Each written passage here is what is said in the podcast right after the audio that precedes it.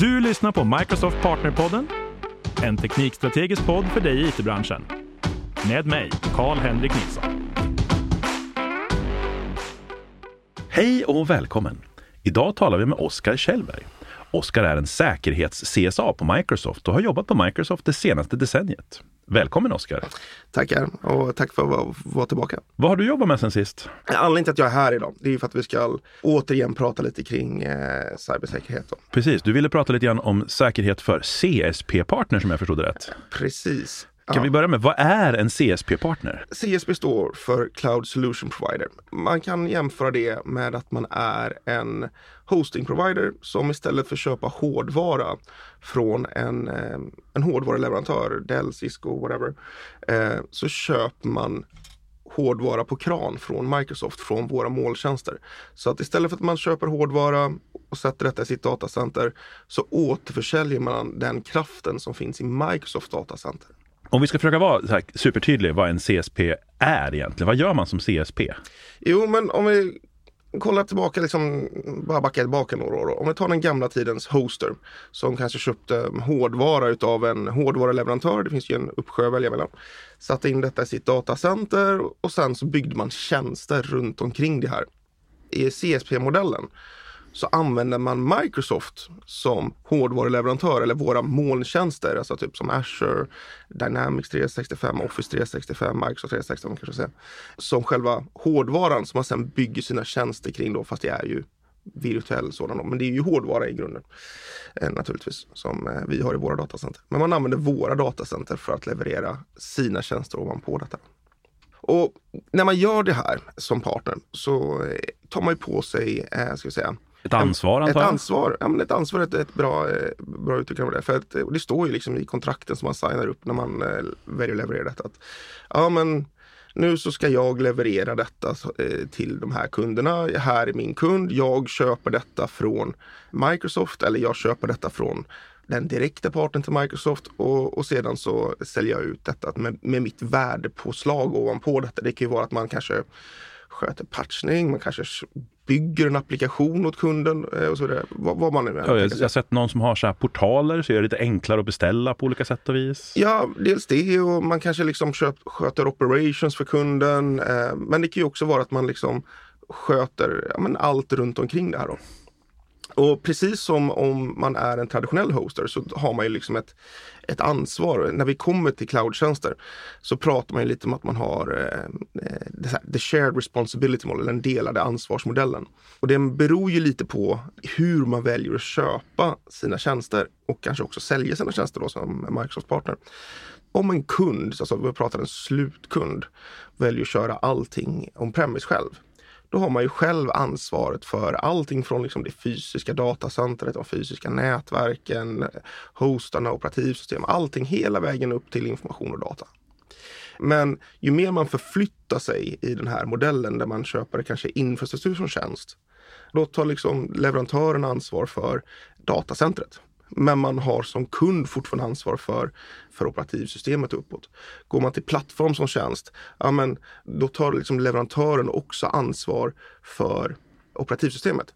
Men man har som kund eller den som köper plattform som tjänst ansvaret för själva applikationen. Eller man kan nästan säga att det är ett delat ansvar lite grann där faktiskt.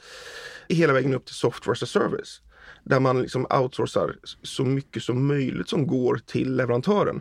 Men man har ju alltid som slutkund ansvar för liksom, ja, hur sitt man får, data. Ja, men sitt data, eh, enheterna som ansluter till detta, identiteterna som ansluter till detta. För att om jag köper någonting som mjukvara som tjänst och jag delar ut identiteterna till vem som helst i kreti och pleti. Ja, men precis. Om jag har Microsoft 365 så kan jag lita på att Word kommer att fungera. Det kommer att vara en säker lösning. Men om jag sätter upp en post-it på kontoret med mina login till OneDrive mm. så kommer jag ändå kunna bli av med mitt data och det är inte Microsofts fel. Lite så. En ganska bra jämförelse. När man är då tjänsteleverantör till en slutkund, om man är en partner någonstans mittemellan den här leverantörskedjan. Då kan det ju vara så här att man själv kanske köper någonting som lite beroende på hur, hur ens affärsmodell ser ut. Man kanske själv köper någonting som är infrastruktur som tjänst. Eh, men man säljer det som software as a service till slutkunden. För att man själv blir den här leverantören emellan som säljer software as a service till kunden. Det beror lite på hur man satt upp sina avtal med kunden det är bra att ha i åtanke att, att det finns en delad ansvarsmodell. Och lite beroende på vilken avtalsform man väljer att leverera sina tjänster på så ligger ansvaret antingen hos kunden, hos partnern i det här fallet då, eller hos, hos Microsoft. Jag antar att det finns en anledning till att vi sitter här och pratar om vilket ansvar man har. För jag antar att det också finns då ett antal risker här som vi ja, utsätter oss för. Jo, som tjänsteleverantör om man använder en molnplattform och man eh, öppnar upp den helt och hållet. Då. Alltså om jag väljer att säga så att ja, men jag, jag har ett avtal med Microsoft och jag kan avropa molntjänster och jag, jag anses kreditvärdig för att göra detta. Sen så betalar jag i efterhand på det jag förbrukar. Mm. Om jag då inte skyddar min miljö jag inte lever upp till mitt ansvar som konsument av de här tjänsterna. Oavsett om detta är partner eller om det är slutkunden. Utan förbrukar för mycket. Då kommer jag kanske få en faktura som är högre än vad jag hade tänkt. Låt säga att jag inte skyddar min miljö och råkar ut för cryptomining.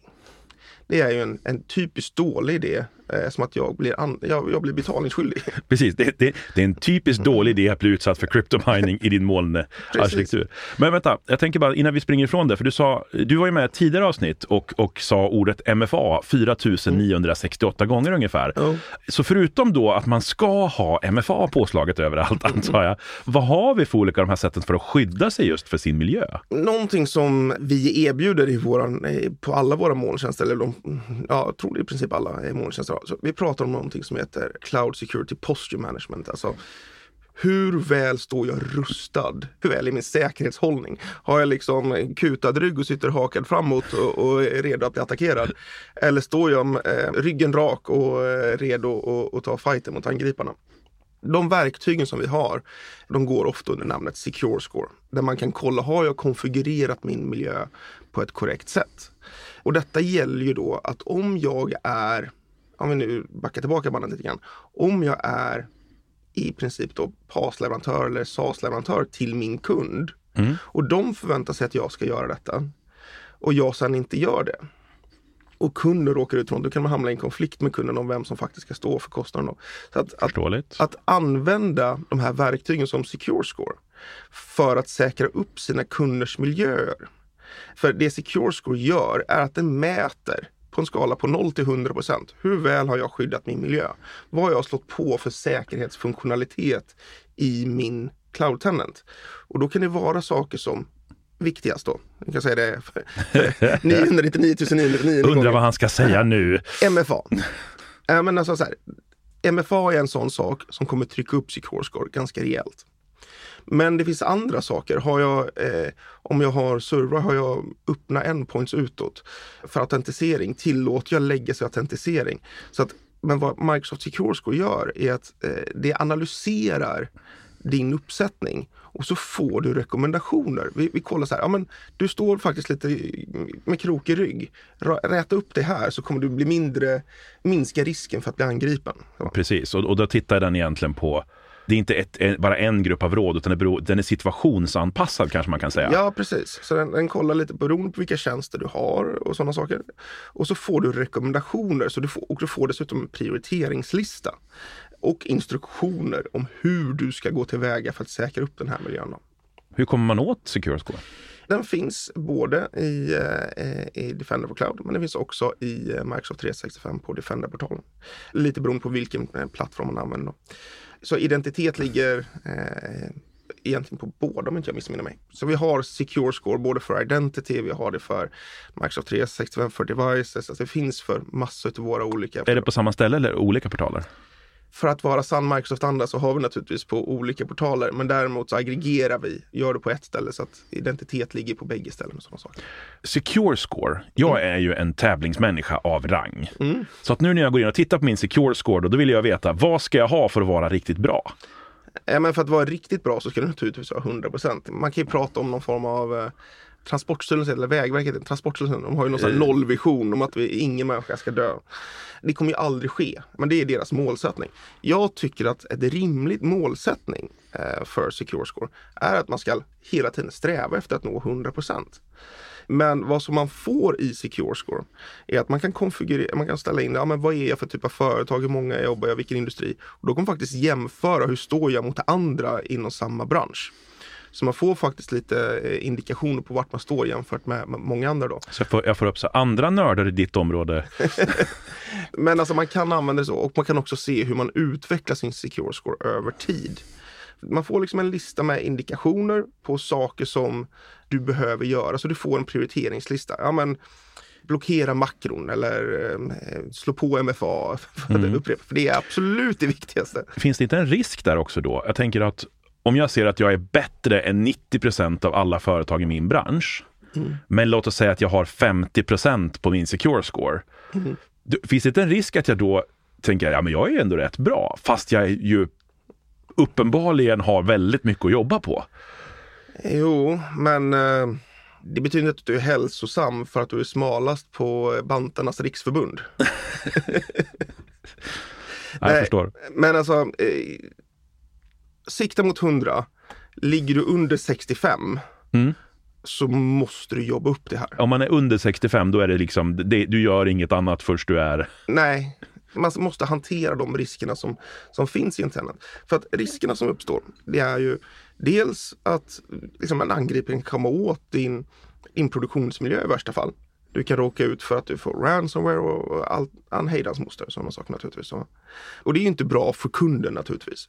Det är katastrofalt om man råkar ut. Jag menar, vi, nu när vi sitter här så har vi ett, eh, a-kassorna just nu eh, nere för att eh, det tror jag inte har något med våra molntjänst att göra riktigt. Men, Nej, men, men i alla fall, det är säkerhet och det är ja. säkerhet. Men om, om vi tänker till ett hypotetiskt case då. Jag, jag vet inte, jag eh, säger att jag jobbar på ett litet företag. Vi har en liten ISV mm. som köper av en CSP-provider för att det är smidigt och bra att få hjälp och stöd mm. och support.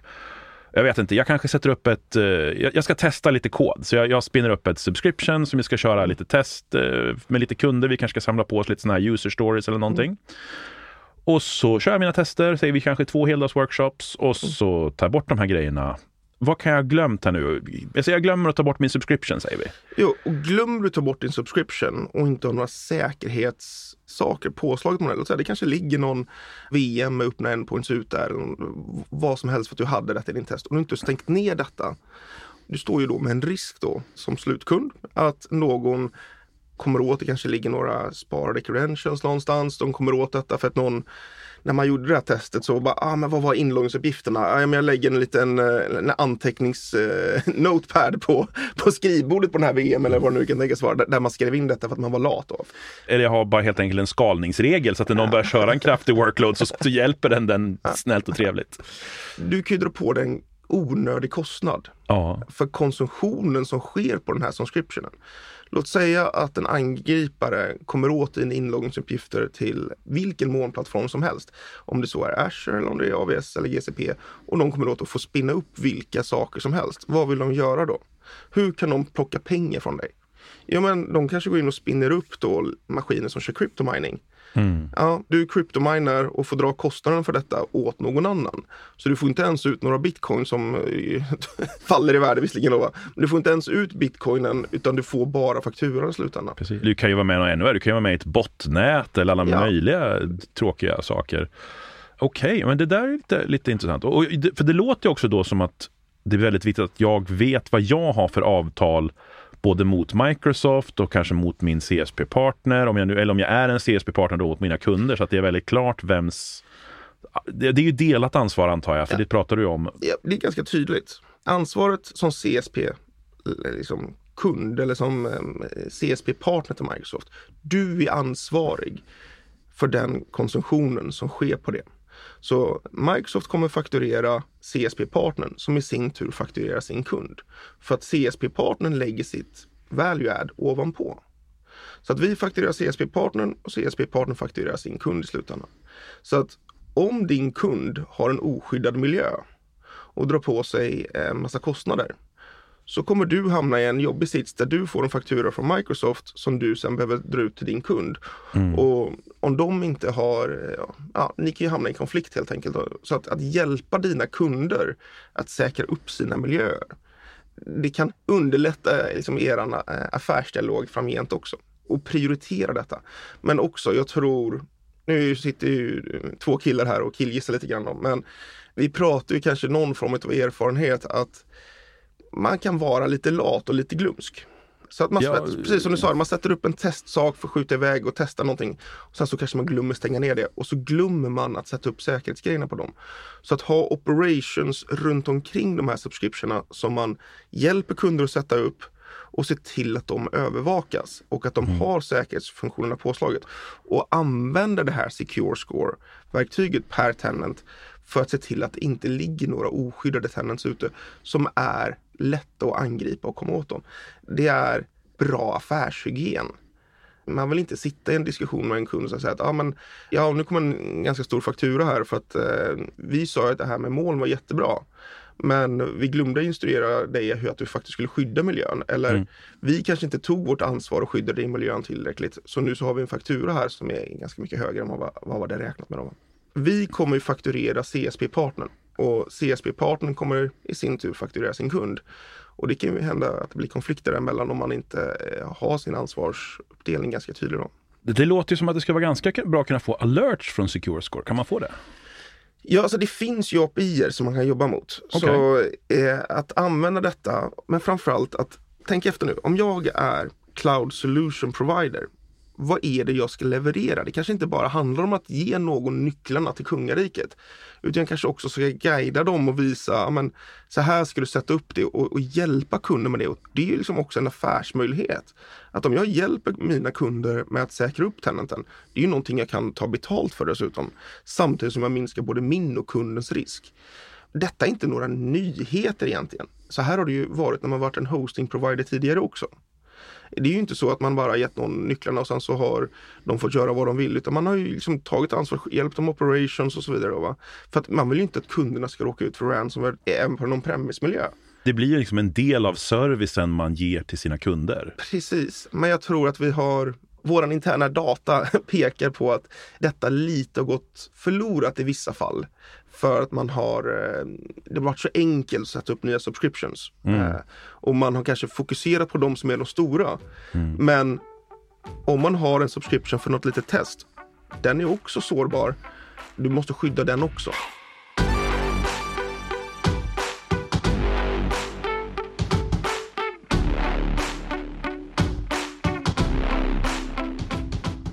Jag har jobbat på, som konsult på massor med olika stora bolag tidigare i min karriär inom Microsoft och sådär.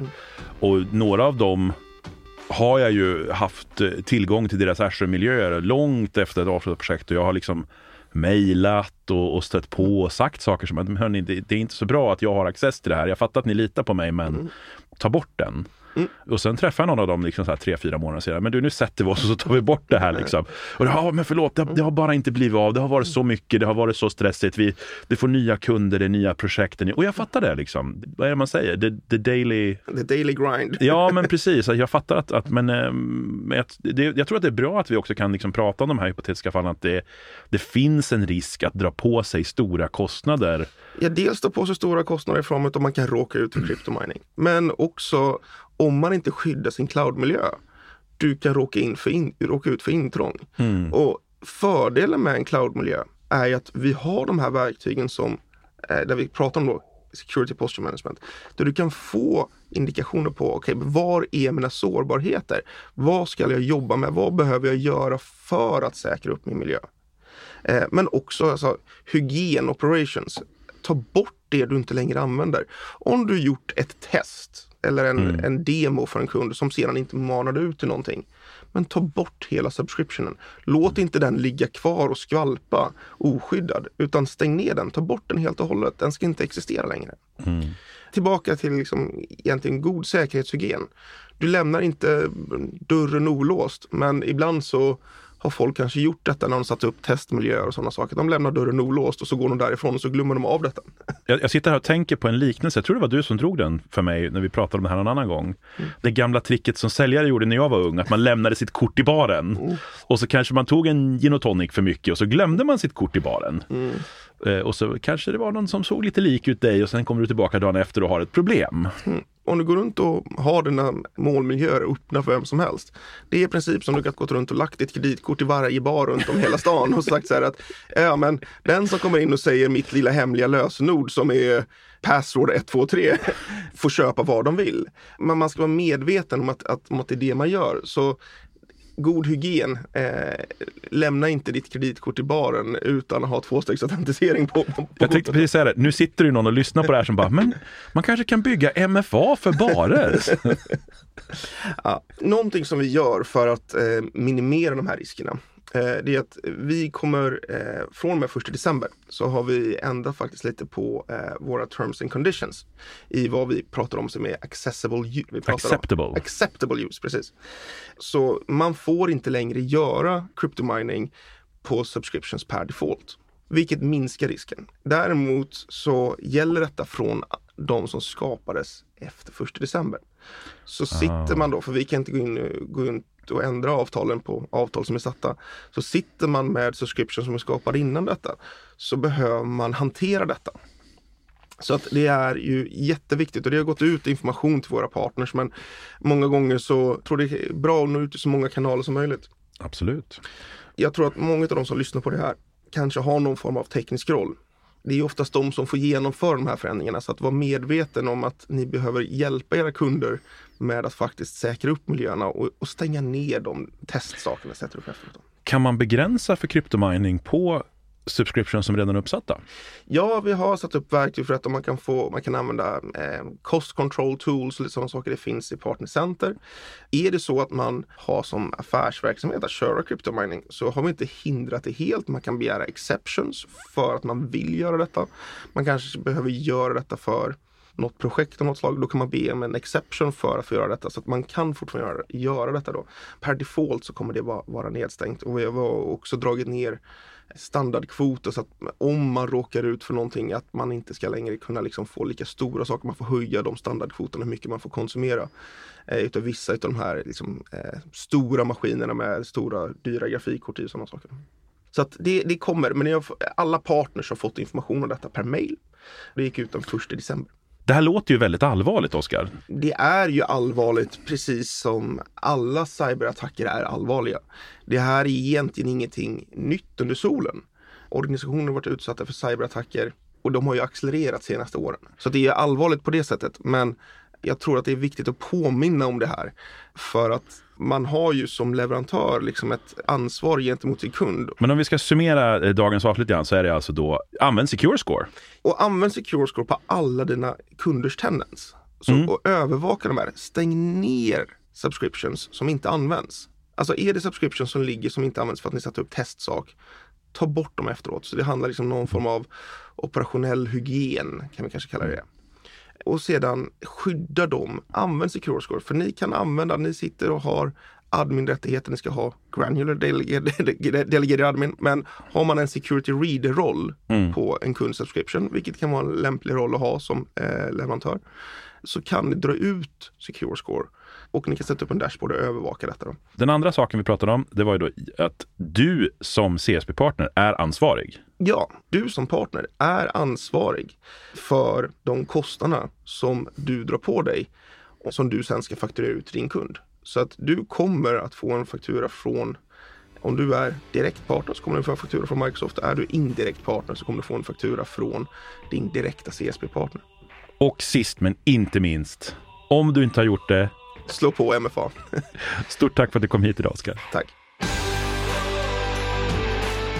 Du har lyssnat på Microsoft Partnerpodden med mig, Karl-Henrik Nilsson. Som vanligt hittar du information och resurser på aka.ms partnerpodden.